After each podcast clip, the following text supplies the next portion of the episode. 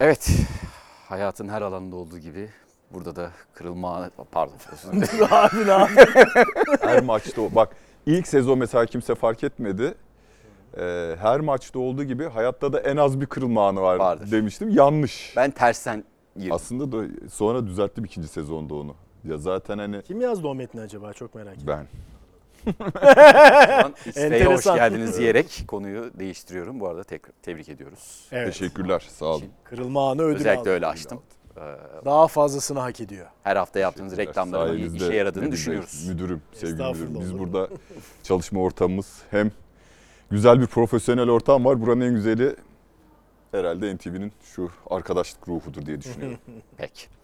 Evet, e, şimdi lige ara verildi, milli takım arası dedik. Biz de Uluslar C Ligi'ndeki son iki maçımızı oynadık. Gerçekten konuşmak istediğine emin misin? bu konuda? Lüksemburg. Bence burada tamamlayalım gidelim. Faroe Adaları'na yenilmişiz. Bizden ne söylememizi bekliyorsun mesela?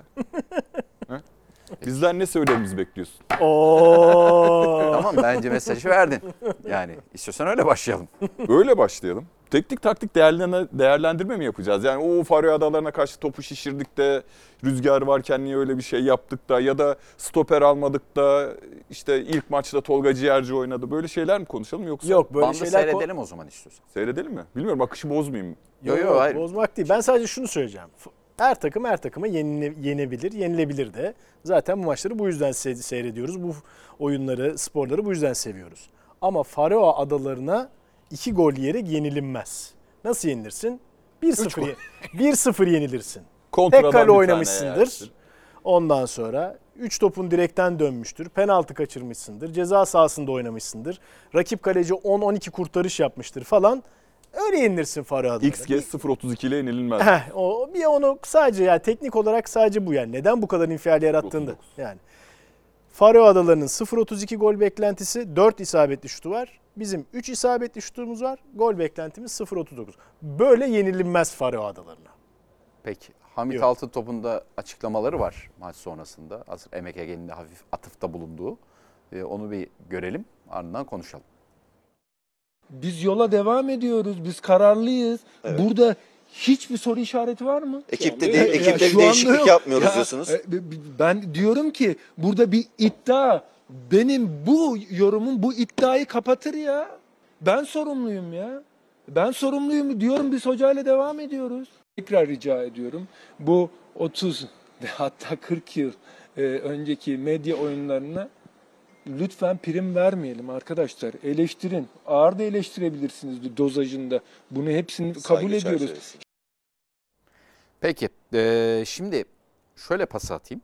Burada şahsi kanaatim ee, açıklamaların ee, içeriğinden çok şekli konuşuldu. Bilmiyorum siz ne Üslup, değerlendirdiniz? üslup konuştuk. Üslup Evet, konuşuldu. ya Burada biraz iletişim e, kriterleri aslında ön plana çıkıyor. Hani ben şöyle bir şey de okudum e, ki az çok katılıyorum. Hamit Altıntop'un e, gurbetçi bir aileden yetişmiş olması, kendisinin de gurbetçi bir futbolcu olması, yani Almancasının, Türkçesinden hatta biraz daha iyi olması. E, o son yıllarda hep Türkiye'de ikamet etti, Galatasaray'da oynadı Gene vesaire. aynı şey. Ee, bildiğim kadarıyla belki yanlıştır ama e, Halil'de var diye biliyorum. Kendisinde hafif bir kekemelik durumu söz konusu konuşurken sinirlendiği zaman, heyecanlandığı zaman gibi ki hafif durarak e, Futbolcuyken daha çoktu bence onu. Ümit ben çok net hatırlıyorum. Ümit milli takımında Evet. ikiz kardeşiyle bir röportajları var. Gerçekten konuşma Çok zorlanıyor. Zorlanıyordu. Bir de deneyimsizler kamerayı görünce Daha şimdi da- böyle konuşma problemi olan insanlarda duygu yoğunluğu olduğunda e, kekeleme şeyi daha artıyor. şöyle bırakayım topu. Böyle bir mağlubiyetten sonra, böyle bir gergin atmosferden sonra hemen akabininde ve öyle bir tansiyonda bu konuşmayı gerçekleştirince üslupta doğal olarak böyle gözüktü diyenler de var. Katılır mısınız diye pası atayım. Şimdi evet bir kere söylenenlerle üslubu birbirinden ayırmak lazım. Ne söyleniyor ona bakmak lazım. Biz maalesef hiç ne söylendiğine bakmadık. Bakmadık. Üsluba takıldık. Üsluba ben de takıldım. Bir canlı yayında çıkıp yağlı mağlı masaya vurmalı falan. Yani sert bir vuruş değildi o ama Evet. Bir orada masanın azizliği de var. yani Hafif dümbelek gibi altı boş olduğu için ses yankılandı gerçekten. Yani vücut dili, hitap şekli falan bence de doğru değil. Ama böyle bir felaketin ardından bu bir felaket yani Faroe Adaları'na Evet, yenilmek futbol bir futbol felaketidir yani. Yoksa hayati bir mesele değil tabii yani. Bir felaket. Bu felaketin ardından bu takımın sorumlusu olan milli takım sorumlusunun canlı yayına gelip kendini ifade etmesi bir kere bence büyük bir cesaret. Ve doğru da. Bence doğru. Ha. Bunu kafasında ne kadar iyi planlayıp geldi, ne kadar kendini iyi ifade edebildi, üslubu, vücut dili, beden dili ne kadar doğruydu? Evet oralarda ben de eleştiriyorum. Ama yine de biz ne yöneticiler biliyoruz ki mağlubiyetlerde ortalıkta yoklar, galibiyetlerde bütün sorumluluğu ve övgüyü üstüne alıyorlar. Haksız mıyım? Doğru. Nice yöneticiler gördük böyle. Bu kulüplerde de gördük, milli takımlarda da gördük. Ben o açıdan takdir ediyorum. Üslubu eleştiriyorum ama söylediklerine bakmamız gerektiğini de düşünüyorum. Bakalım. Bakalım. Şimdi bir diyor ki ben şey yani 40 yıllık medya oyunları. Abi evet doğru söylüyor. Daha Lüksemburg maçı başlamadan yani 4'te 4 yapmış. Bu grupta 4'te 4 yapacak tabii zaten. Onda problem yok da. O gidiyor, bu geliyor, ötekiyle görüşüldü, gündemde bu var. Ne diyor Hamit Altıntop? Diyor ki yahu diyor Yok öyle bir şey. diyor. biz diyor başkanımız da ben de diyor yok öyle bir şey diyoruz diyor. Bunun sorumluluğu olan bizler yok diyoruz. Israrla bu devam ediyor diyor. Kuntz da nitekim hatırlayın basın toplantısında şey dedi. Ee, gidiyor yerine birileri geliyor haberleri büyük çıkıyor. Ama başkanın açıklaması hayır biz devam ediyoruz haberi küçük çıkıyor dedi. Buralarda haklılar ya. Biraz da haklının da hakkını teslim etmek lazım yani. Ya yıllarca biz gördük. Yani teknik direktör değişimleri kulüplerde, milli takımlarda, orada, burada nasıl oldu, nasıl kamuoyu yaratıldı. Büyük bir kamuoyu desteğiyle getirilenler aynı kamuoyuyla nasıl götürüldü. Hamit de Altıntop da onu söylüyor. 30-40 yıllık medya oyunları diyor. Çok güzel tarif etti valla. Evet. Ya buraya bakmak lazım. Ee, sorumluların tabii şunu da gördük yıllarca kulüplerde. de. Arkasındayım, yanındayım, devam edeceğiz. Hop iki gün sonra Bay- başkası gelmiş. Doğru. Ee, ama yani bizde neden sonuç ilişkisi bir sorgulama, nedenini anlamaya çalışma, ee, bir yol haritası çizme falan olmadığı için gitsin, kalsın, bu adam mı bunun başında, nasıl olur falan. Ya biz ne insanlar gördük bu futbolda ya. Katılıyorum. Yani ne üsluplar gördük. Görmedik mi? Başkanından yöneticisine, yöneticisinden futbolcusuna, futbolcusundan teknik adamına. Onlara o kadar yüklenilmedi. Ama Hamit Altıntop'a müthiş bir infial oldu. Ben de üslubunu ve beden diline e, ne katılmadığımı. Ama zamanlama doğru, doğru çok da yanlış değil diyorsun. Bence zamanlama güzel abi. Cesaret ister. He, hataya da sürükleyebilir. Ben senin ne demek istediğini anladım. 2-1 yenilmişsin, soyunma odasına girmişsin belki. Büyük bir stres altındasın, üzgünsün ve oradan canlı yayına çıktığında hata yapma oranın yükselir. Söylediğin aslında daha önce birikmişlik de var. Var. Önceki haberlerden E, dolayı var da birikmişlik tabii, var. var. Üstüne sonuçta tuz biber oldu. Evet. Ben bu çok konuştum. Ben yok e, güzel konuştular. Mesela şurada seninle ayrılıyoruz. Ben çok üslubu yadırgamadım. Yani orada biraz çünkü inanan dolmuş, duygusallaşmış. Yani heyecan da bir duygu, üzüntü de bir duygu, sinir de bir duygu. O biraz daha kontrol edebilir miydi? Evet edebilirdi. Kimse hani biraz önce senin söylediğin şimdi ister istemez e, şimdi sonradan tabii ki Türkçeyi öğrenmiş değil ama hayatın büyük bir bölümünde Almanca özellikle meslek kariyerinde Almancayı kullanan, profesyonel hayatında Almancayı kullanan birisi cümle seçimindeki bence olağanüstü bir gelişim var Hamit Bey'in e, Türkçesinde. Olağan gerçekten hani o Ümit Milli Takım röportajını hatırlıyorum. Cümle toparlayamıyorlardı e, kardeşiyle beraber. E, ama o duygusallık çerçevesi içerisinde hani elinde vurunca o maç, masada yankı yapınca ve aslında Hamit Altıntop bir Türk evladı tabii ki tartışmasız ama aynı oranda arkasında bir kamuoyu yok, medyası da yok. Hatta yani bunun olmaması nedenlerinden birisi de e, PR ilişkilerine belki fazla önem vermediğinden, daha çok işlere Almanya usulü baktığından, profesyonel baktığından. E, ben de hatırlıyorum bundan 4-5 sene önce işte bir programa davet etmek isterken daha işleri Doğru. Alman usulü idare etmeye çalıştığından dolayısıyla da belirli mesafeler koyduğundan dolayı bence insanların birçoğu da beklediği medyada kanaat önderi olan ya da sosyal medyada beklediği yaklaşım tarzını Hamit Altıntop'tan görmediği için, mesafe gördüğü için ya zaten istediğimiz tarzda bir adam değil. İlk tökezlediği yerden de vuralım derdine girdiler. Artı bu futbol federasyonu hiçbir futbol federasyonunun olmadığı gibi bu futbol federasyonu da yeni olmasına rağmen 3 büyük kulüp için, 4 büyük kulüp için özellikle bu yabancı sınırlaması dolayısıyla tırnak içerisinde sevimsiz bir federasyon. Bizde şöyle bir adet var zaten. Yani yabancı şeyi geliyor, serbestliği geliyor. Milli takım başarısız oluyor. Ya herkes yabancı serbestliğinden oradan federasyona vuruyoruz. Hakem hatası oluyor oradan vuruyoruz. Yani zaten federasyon denilen oluşum Türkiye'de hiçbir zaman sempatik olmadı. En başı hatırlayın 2002'de dünya üçüncüsü olurken de 2008'de de rahmetli Hasan Bey vardı. Onu da analım. Orada evet kısa bir dönemdi ama. Belki sempatikti ama 2002'de Haluk Ulusoy vardı. Sayın Ulusoy zamanında hiç değildi zaten. Ve insanlar da genel zaten antipatik bulduğu için federasyonu bu kez Hamit Bey üzerinden çakalım amiyane tabii ve gerçekten de yani şey medyasından ne derler magazin medyasından spor medyasından geniş bir şeyde spektrumda herkes Hamit Bey'i eleştirdi.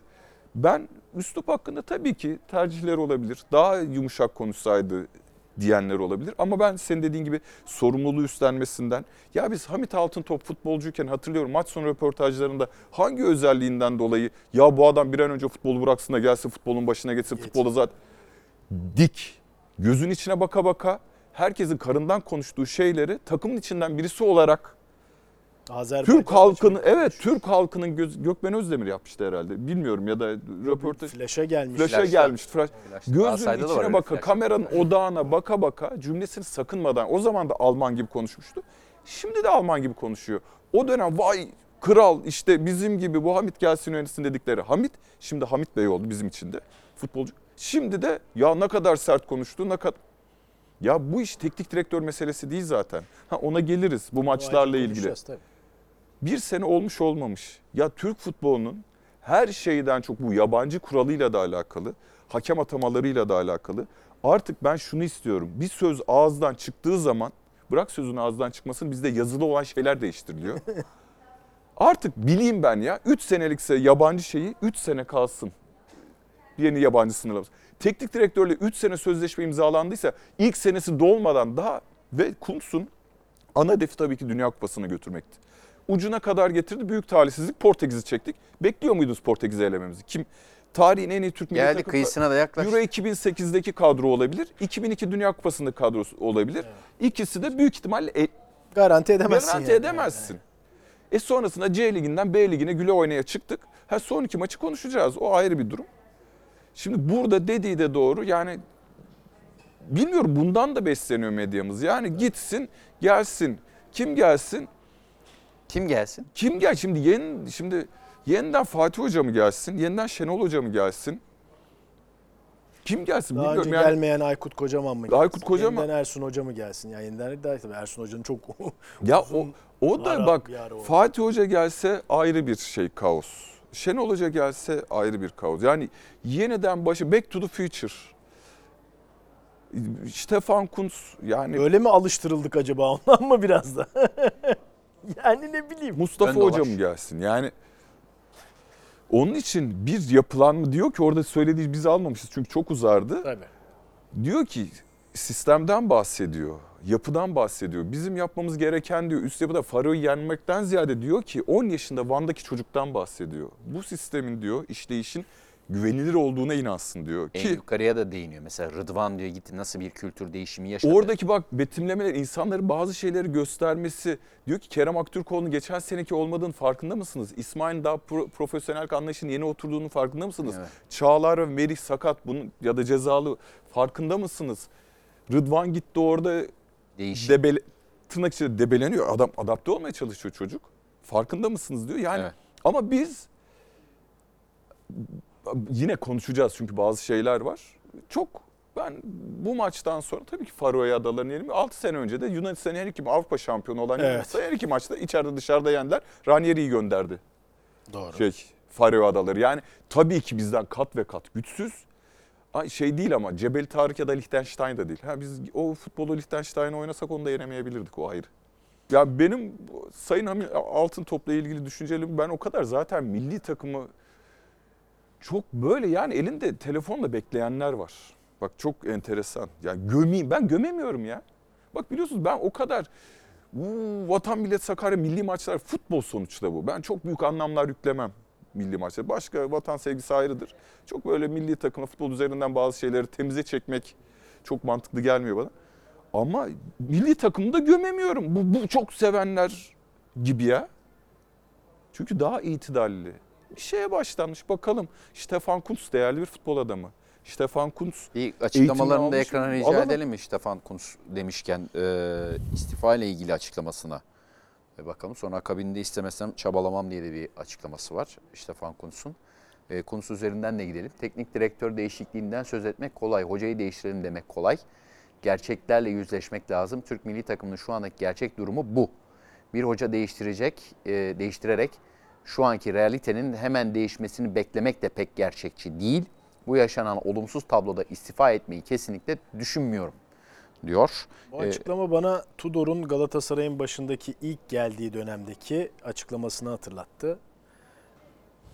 Perspektif yani temelleri farklı ama ya diyor ki Tudor hatırlayın o zaman.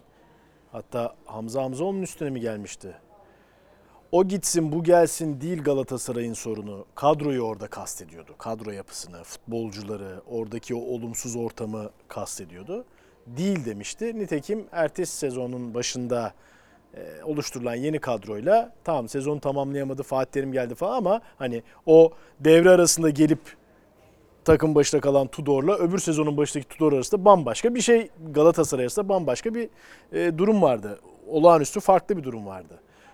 Ben o açıklamayı dinleyince bunu hatırladım. Ya Kuntz da diyor ki ya mesele teknik direktör meselesi değil diyor. Bu arada tek, bu arada mesele teknik direktör meselesi de olabilir. Ay, oraya geleceğiz ikinci bölümüne. Aynen. Yani olabilir. olabilir Tabii ki çünkü. olabilir. Ee, ama hani burada da bir söylenenlere bakmak lazım. Bir düşünmek lazım. Bu adamın ağırdan misyonu vurulmaya ne? çalışıyor. Hep ağırdan yani teknik ağırdan vurulmaya çalışılıyor. Aynen. Ya buradaki şimdi ben açıkçası Kuntz, Stefan Kuntz göreve getirildiği zaman bunun uzun bir birliktelik olma ihtimalini düşük görmüştüm. Neden dolayı? En başta A takım seviyesinde yarışmacı bir teknik adam değildi. Yani Test edilmemiş evet. 21 yaş altında Almanya milli takımı da olsa 21 yaş altında olmakla A takımın başında olmak arasında baya bir fark var. Tabii. İki, o zaman Hamit Altıntop bu şeyi anlatırken aslında bir proje olduğunu, uzun vadeli, uzun soluklu düşünüldüğünü anlattı. Belki burada bir iletişimde de eksiklik olmuş olabilir. Sen biraz değindin. Yani şimdi Faro Adaları maçından sonra Van'daki 10 yaşındaki çocuğa ulaşmak istiyoruz deyince ı -ı, o karşılık bulmuyor abi. Çünkü sen orası Faro Adaları'na yenilmişsin. Ya Van'daki 7 yaşındaki çocuğa da ulaşsan bir anlam ya o an için, o an için Evet. Yangını bir söndürmek lazım. ya. söylediğinin İnsanlardaki- bir anlamı kalmıyor. Ama bunu ara ara sürekli bir iletişim halinde olarak ve bunların kanıtlarını çok anlatmak lazım. Çünkü bu maalesef Türkiye'de anlatılabilir bir şey değil. Hiçbir kulüp bunu yapamaz kamuoyu baskısı ve taraftar baskısı yüzünden. Federasyonlar yapamıyorlar baskı yüzünden. Çünkü maalesef öyle bir ortam var ki sonuç hemen sonuç hızlı sonuç. Yani ben şimdi mesela ben ben bir kulübün başkan adayı olacağım diyelim ve şey diyeceğim. Şunları demeyeceğim. Takımı uçuracağım. Hemen işte 100 milyon dolar Tabii. kasa kolaylığı sağlayacağım falan demeyeceğim. Diyeceğim ki arkadaşlar beni seçin. Çünkü ben size 3 ila 6 yıl içinde öyle bir yapı kuracağım ki bir daha seçime böyle bir sorun yaşanmayacak. Beni seçmezler abi. Seçmezler, seçilmez. Hemen sonuç istiyorlar çünkü. Hemen sonuç. Kuntz eğer bir gelecek genç havuzu yukarıya taşımak, olanla kaynaştırmak vesaire ise evet o anlamda doğru bir isim olabilirdi. O zaman da yarışmacı taraftaki beklentilerimizi düşürmemiz lazım. Ama iş şurada kitleniyor. Abi Faro adalarına yeniliyorsun. Yani. Ya, yenilmek var bir de yenilmek Evet var. bir Yani de böyle yeniliyorsun. hiçbir dakikasına maçı ya bir tane şans eseri 0-0 iken atarsak yenebiliriz diye düşünüyorsun. Onun dışında da hiçbir zaman inanmıyorsun. Yani Yok. karşındaki çok daha güçlü bir takımmış gibi. Geçelim mi maç kısmına? Ee, Kuntz'un diğer açıklamasını rica edeyim. Ekrana orada da söylemleri var. Ferdi ve Salih Özcan'ı milli takıma kazandırdık. Sadece iş gözüyle baksaydım bu konularla fazla ilgilenmezdim. Türkiye'yi sevmesem bir yerlere taşımak için bu kadar titizlenmezdim. Ee, TFF yönetimin benimle konuştu ve arkamda olduklarını söyledi. Bu da beni güçlü kılıyor. Gelecekte kutlama yapacağımız e, çok günler olacak. E, maç öncesi de bundan sonra şaka yapmayacağım dedi. E, bunların akabinde maç sonrası bir de şey var. Bu beni güçlendirdi, cesaretlendi. Daha da hani motive oldum. Motive oldum daha doğru kelime. Daha çok motive oldu. Bundan sonrası için daha farklı. Evet o diye güzel bir söylemler. açıklamaydı Bence, bence. de güzel bir açıklama. Yani- Şaka yapmayacağım demesi de olmuyor bizde. Yani biz o olmuyor. Sergen Hoca ben ben ben de oluyor mesela, da ters tepti. Evet yani Sergen Çoğunlukla Hoca da genelde oluyor. genelde olmuyor. Yani bizim şeyimiz Sevmiyoruz. farklı. Biz daha bu konuları yani oyun bazında o da oyun bazında bakmıyordur. Hayatını kazandığı çok önemli futbolcuydu. Çok önemli bir teknik adam sonuçta. Ee, biz daha hayat memat meselesi görüyoruz. Maçlardan önce biraz daha ciddiyeti seviyoruz. Yapmasın zaten hocam. O mizah anlayışı da tutmadı. Yani benim gibi işte bazen kendi esprilerime kendim gülüyorum ya. Anlıyor. Bazen de ofansif oluyor. İnsanları güldürmek Futbol yerine programında bu kadar gülünür mü diye yorum alıyoruz mesela biz. E, Değil mi? Niye bu kadar çok gülüyorsunuz? Bundan sonra gülmeyi yasaklıyorum arkadaşlar. Değil mi? Gerek yok. Böyle soğuk savaş gibi. Ciddiyetle devam.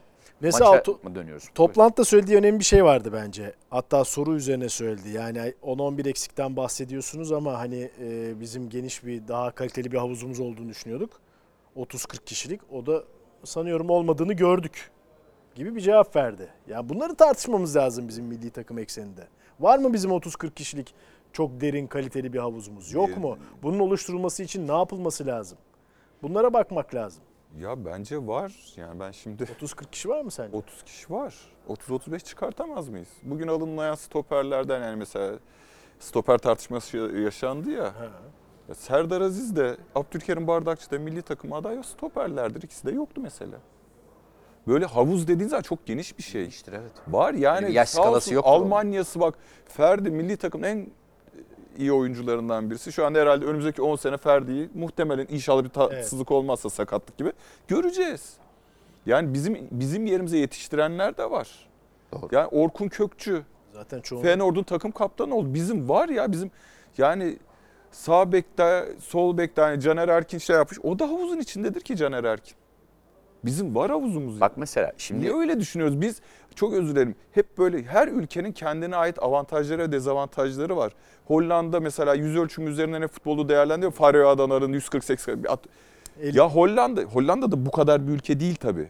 Hollanda'nın hinterlandı, geçmişten gelen işte o kolonileşme döneminden arka Surinam. bahçe birisi Surinamlar mesela İngilizlerin zaten öyle Fransızların zaten Belçika öyle. ve, ve şimdi bizim de şöyle bir şey, bizim öyle bir sömürge tarihimiz yok ama bizim de Almanya'nın yetiştirdiği, Hollanda'nın Hollanda'nın yetiştirdiği, zaman zaman Fransa'nın yetiştirdiği, Evet. Belçika'nın yetiştirdiği, böyle bizim hiç planlama, planımızda olmayan, ya bak gökten Orkun Kökçü indi. Ya aslında Gökten ben Yusuf Demir inecekmiş, biz o sırada şemsiyeyi tutmuşuz. O, yabancı oyuncu muhabbeti de aslında şimdi başka bir programlık konudur o ama e, az önce dedin ya bizim yerimize yetiştirenler var diye. Bizim havuzumuz Yani var ya. Fatih Terim'in e, Türkiye Futbol Direktörü olduğu dönemde çıkan kural 11 yabancı sahada oynayabiliyor 14 toplamda. Yani Türk oyuncu kuralı aslında yerli oyuncu kuralı dediği Evet. kural bir nevi aslında bizim yerimize geliştirsinler diye yapılan bir kural diyebiliriz. Çünkü o kural çıktıktan sonra birçok oyuncu gitti ki Tabii. dışarıya. Çağlar o zaman gitti. Yani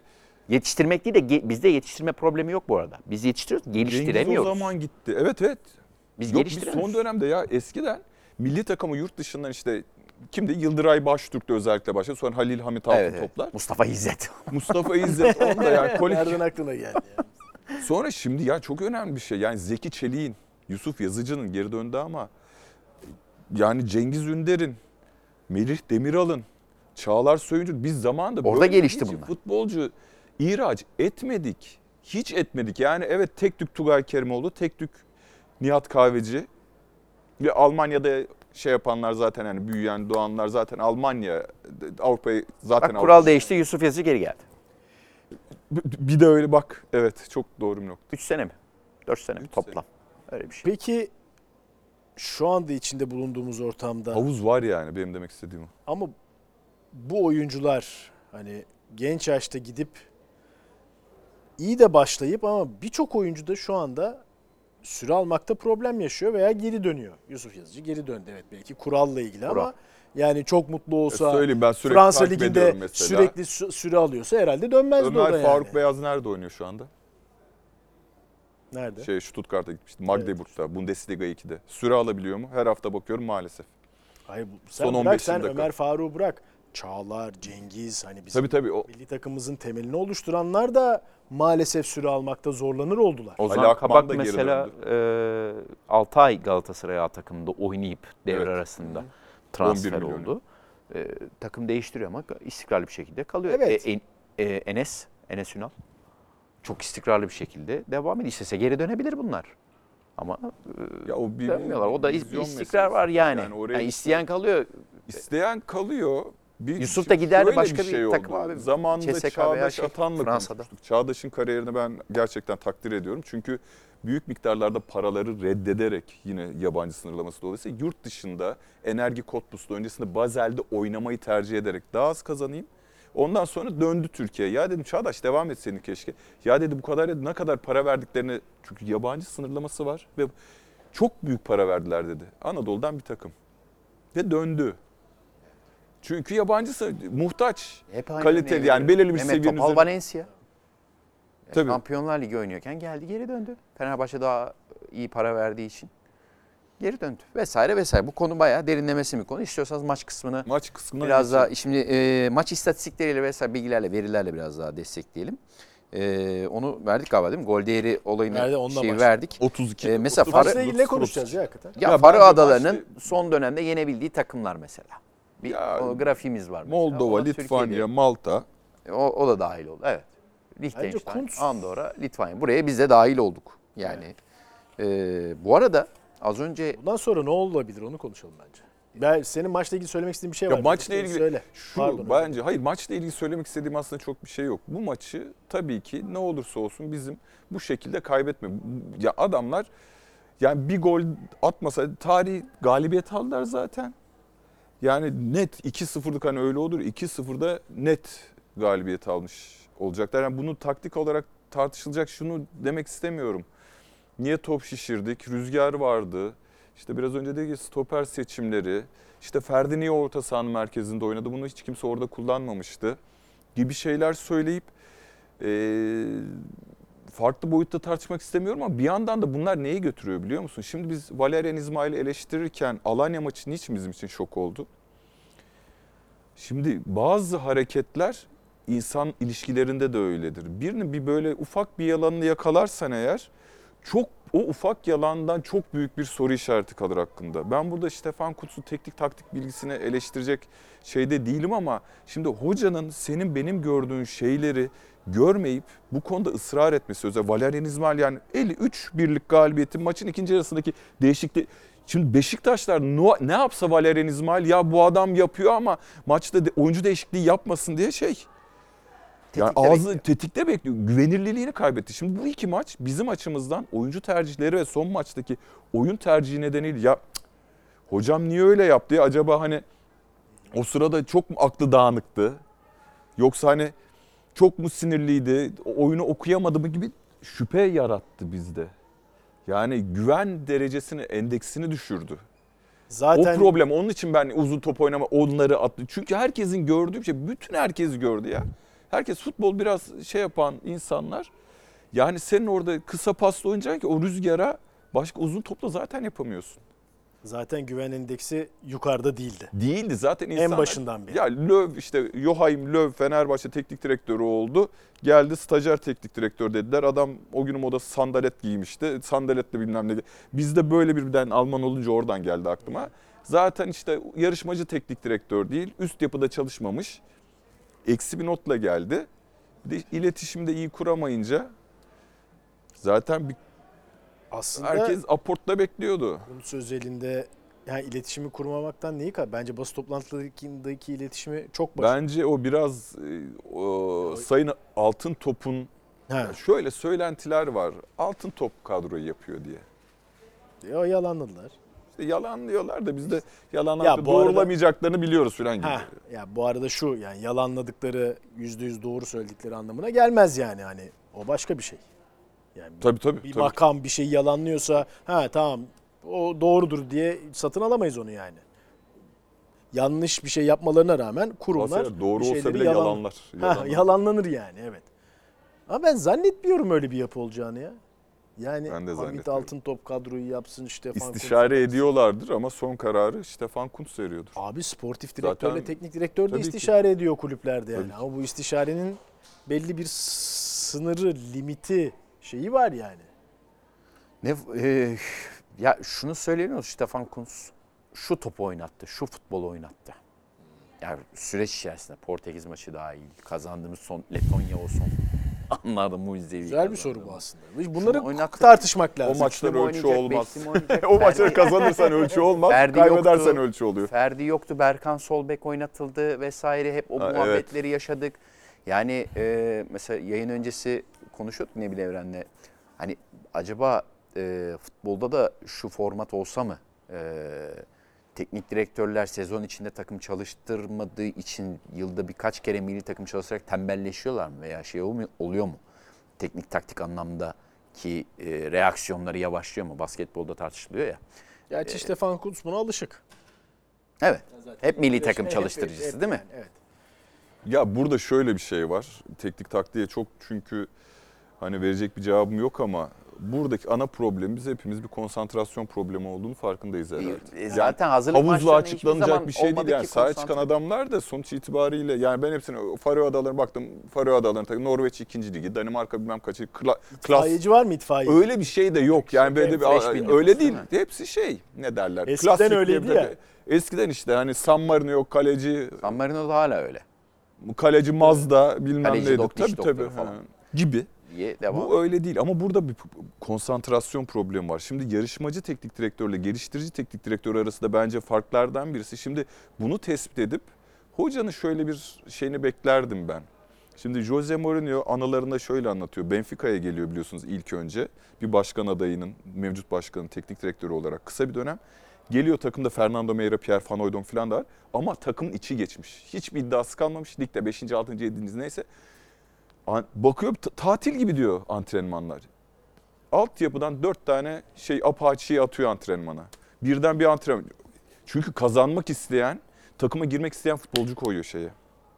Aynısını yani bu oyuncu kadrosuna biraz daha aç olan, belki Ümit Milli Takım'dan, belki üst yapıya kendini göstermek isteyen 2-3 tane e, kendini kabul ettirmek isteyen oyuncuyla bu maçı oynasa bence konsantrasyon seviyesini yükseltebilirdi. Peki bir şey soracağım. Eren aç değil midir? İlk kez milli oluyor. Eren Elmalı mesela. Ee, Serdar Dursun Fenerbahçe'de süre alamayan aç değil midir? Doğru.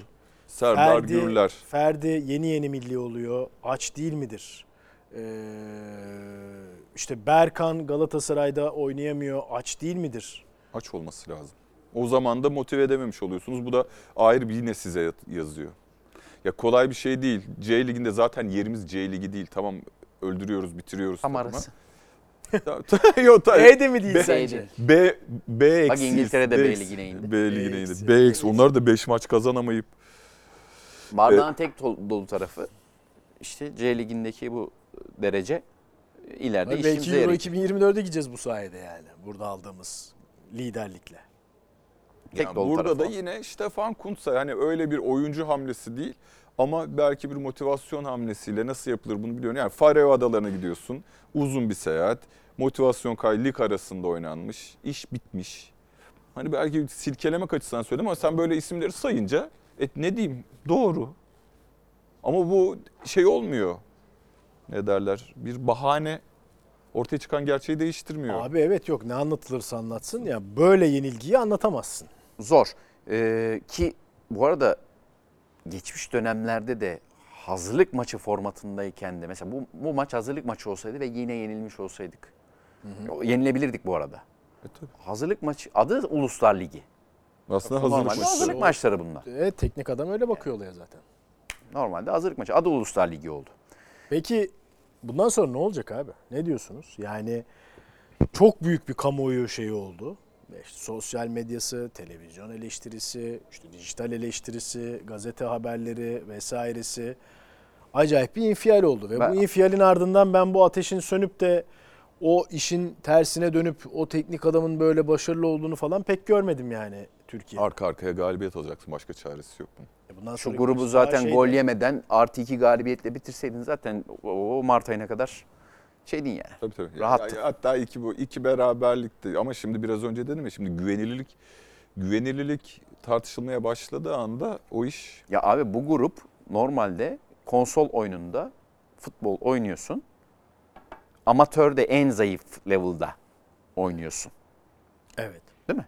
Öyle. Ve yeniliyorsun o level'da. Niye D- bu, bu D konuya ligi de çok var. değil? Bir dakika. D ligi de bir şey- var daha. D ligi var. 7 takım Niye D ligi. yani? Ne, bu konuya Haftaya. çok- çok o şey haftaya o bölüm ya. haftaya. Daha benim yenildiğim bölüm yayınlandı. Evet. Öbür bölüm yayınlandı. Kontrol Yok ya benim bölüm yayınlandı. Senin kazan seni de kaybettin doğru ben onu O unuttum. yüzden açıyorsun yani Numan'a bizim Ben derbimizde açımdan yorumlamıştım. bizim derbimizde Atletico Madrid formasıyla paramparça oldum. Onu Ben mu hatırlatmak istiyorsun? Ben ne yapayım? Ben de Atletico Ama o Madrid seçme cengaverliği de. Peki ben Hamit Altıntop'un e, olası durumlara karşı her türlü federasyon toplantısında da olsun, kamuoyunda da olsun Stefan Kuntz'un zaten yaptığı aşaması yine arkasında duracağını ama olası yukarıdan gelecek bir baskı karşısında direkt kendisini bırakarak bu işi e, o noktaya götüreceğini düşünüyorum. Eğer öyle bir şey olursa bence evet Hamit Altın topta gider. Direkt oradan reaksiyon Kendi bırakır göstereceğini yani. düşünüyorum. Yüzde yüz tabii yani. Yüzde Hani bu kadar televizyona çıkıp hani masaya vurarak bu e, tepkileri verip ondan sonra Stefan Kuntz'u gönderip kendisi de göreve devam ederse zaten zannetmiyorum o pek kendine yedirebileceğini o durumu. Ben de katılıyorum yani ama kestirmek kolay değil. Hayırlısı Çok olsun açıklayıcı bir Yani bir arada en azından bir durulacak bir dönem var. Belki Mart'a kadar. Lige döneceğiz. Ligde birbirimizi yerken orada Stefan Hoca'nın işine gelecek yani şimdi be- derbi merbi derken. Ne güzel bağladın. Evet Akşam baktı. evet Ee, ne geçelim olacak derbiye. derbi? Ne olacak? Müneccimlik yapacağız bakın. Hep ol- olanları konuşuyoruz bu sefer. Fenerbahçeliler şu oyuncu değiştirme dakikaları bir gelsin de oyuncu değiştirelim. Kenardan Hayda. adam sokalım diyecek. Beşiktaşlar da ya başladığımız ayarda devamına kadar devam edin. Çünkü iki takımın oyuncu değiştirme yani teknik adam performansı açısından bunu herkes söyler. ha, Ciddi farklılıklar var. Fenerbahçe oyuncu derinliği değiştirerek açısından da. olayı çok var. Yani zaten Türk oyuncu derinliği açısından o en büyük kuvveti yani sezon başından beri söylüyorum Fenerbahçe'nin yabancı oyuncu havuzu da belki Beşiktaş gibi ilk 11'i tartışmasız oyunculardan kurulmuyor. Ama o da işte son yorumlarda benim de gözlemim. Jorge Jesus'un ideal 11 diye bir kavram olmadığını gözümüzün içine soka soka soka her maç. Fenerbahçe 11'ini isterseniz şimdi baştan hazırlasaydık keşke. Kim daha fazla oyuncu tutturacak Fenerbahçe'nin Aa, 11'inde? çok iyiymiş ya bu. tutturamayız. Bak 8 kişi tutturan hadi Altay Banko diyelim. Mesela Altay Banko. Gerisi. Ferdi nerede oynayacak? O sayı Sağ mı, sol mu? oynayacak mı? Yani King'in sakatlığı var. Düzelirse oynar mı? Defans hattını kimle kuracak? Ben Orta sahada Miguel Crespo ile Ar- Arao mu oynayacak? Evet. Bak Ben boz- yaptım 11'i ya. Hadi alalım. Jesus hocama vereyim filan. Üçlü mü oynayacak, Üçlü dörtlü mü oynayacak. oynayacak? Gezzal oynar Beşiktaş'ta. Üçlü oynamak acaba daha mı iyi mi daha mı kötü? Üçlü oynayacaksa ortayı demek ki Arao Crespo yaptın kesin. Şimdi Altay, Perez, Perez'in sakatlığı düzeldi mi acaba? Salahi, Enrique. Gustavo Henrique. 3. Ferdi Alioski, Beşledin savunmayı. Crespo Arao, Batshuayi, Valencia, Bir kişi Yalnız daha. şurada bir problem var. Dikkatini çekiyorum. Nerede, üçüncü Türk? Ferdi. Ha. Alt Ferdi Altay. Emre Mor. Emre mi? Oo. Yani alternatifler arasında İrfan Can da var, Mert Hakan da var. Yani illa Emre birli Mor. bulunur da Emre Mor. Emre Mor Valencia, Batshuayi diyor ileri. Yedek olabilir bir dakika. Ben başka bir şey düşünmüştüm. Ben biraz daha düşüneyim. Belki. Kararımı size bildireceğim süre falan diyormuş. Has. Has. ya ben de şimdi Ama yapayım yok, dediği yapmasın çok ama doğru. biraz bak çok seçenek var. Çok, çok alternatif seçenek var. var. Bir de şunu da gördük Jesus'ta yani. Her maça, her rakibe göre de şimdi biz ne bugüne kadar özellikle son dönemde nasıl Fenerbahçe seyrettik? Acayip baskı yapacak, Evet. yapan. Onda orada hemen topu kazanıp gole gitmeye çalışan. Bu maçta Ee, yapmayabilir. arkada bekleyebilir. boşluk işte bekleyecek mi? Bekleyebilir. Yapacak mı? Ya da yumurtaları Adana Demirspor'a yaptı öyle. Kendi iç saha maçında Adana Demirspor geldi dedi üstüme. Evet. Gitti attı. Yani yumurtaları beş- İkinci çarpıştıracak. yarıyı say- saymıyoruz. Ya da evet aynen dediğin gibi. Ya aslında iki takımın çok ortak noktası var. İkisi de Tempo, yüksek baskı. eforla, tempoyla oynayıp önde baskı yaparak orada kazandığı toplarla sonuca gitmek istiyor. Çok özetle Özetledi. nasıl bir şey çıkacak ortaya merak ediyorum ben. Yani kim daha... Burada bence Fenerbahçe biraz daha avantajlı. İstatistiklerle destekleyerek şey yapayım. Ee, Fenerbahçe topa daha çok sahip olabiliyor yani. Hem yüksek tempo baskı oynarken topa da daha çok sahip oluyor.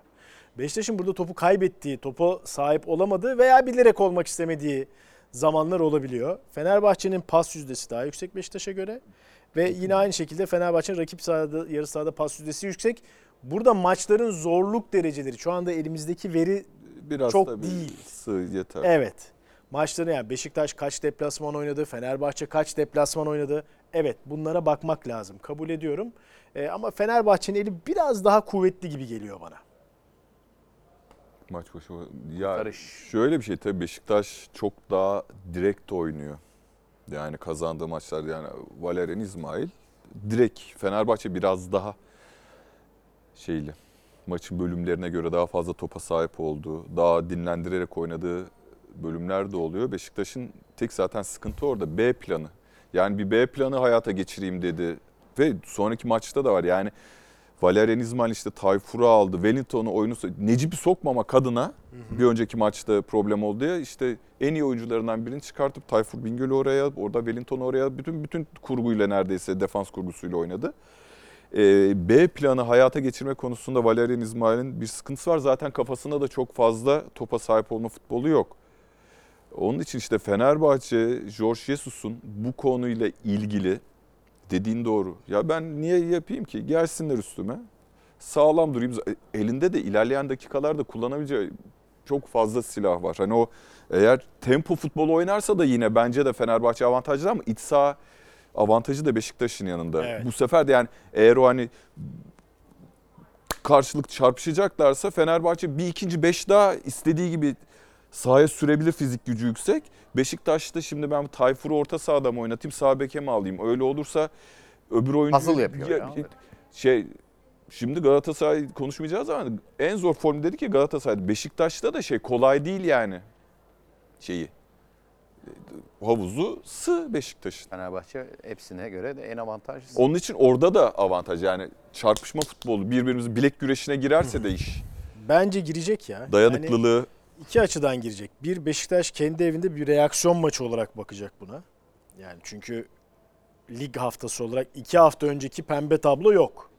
Arda arda alınan iki maç sonucuyla Sivas maçı sonrası olan Karagümrük Sivas maçları maçları sonrası ki pembe tablo yok. Her şeyin rengi değişti yani. Ama ben Jesus, Jesus'un evet çok pragmatik, çok esnek, rakibe göre maç içinde falan ama ben Jesus'un da şeyle başlayacağını ya Herro ya Mero. ya ya hero mero değil yani sonuçta şu anlamda bunu doğu çünkü ya bunu başarıyla yapabiliyorsan ve doğru yapabiliyorsan her takıma karşı her statta da yaparsın.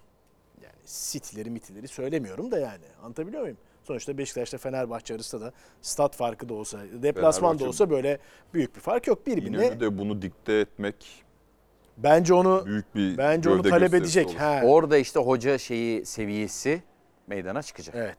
Bence talep edecek. Alır sonuç almaz onu bilmem ama bence talep edecek. Jesus şu ana kadar net George Jesus dedirtti. İlk Ümraniye maçı dedik ya biraz küçümsedi galiba gibi orta saha kurgusunda Evet. oldu. Ama sonra net yok dedi ben dedi ağırlığımı koyacağım dedi. Her maç farklı senaryolar. İşte Adana Demirspor'a set oynattı. Gel dedi ben buldum atacağım dedi. Ee, Alanya "Aa, baktım bunlar pasta çıkmaya çalışıyor. Koy öne dört tane basacağım alacağım topu atacağım dedi. Kaç beş oldu. Ben şeyi merak Gibi ediyorum. gibi.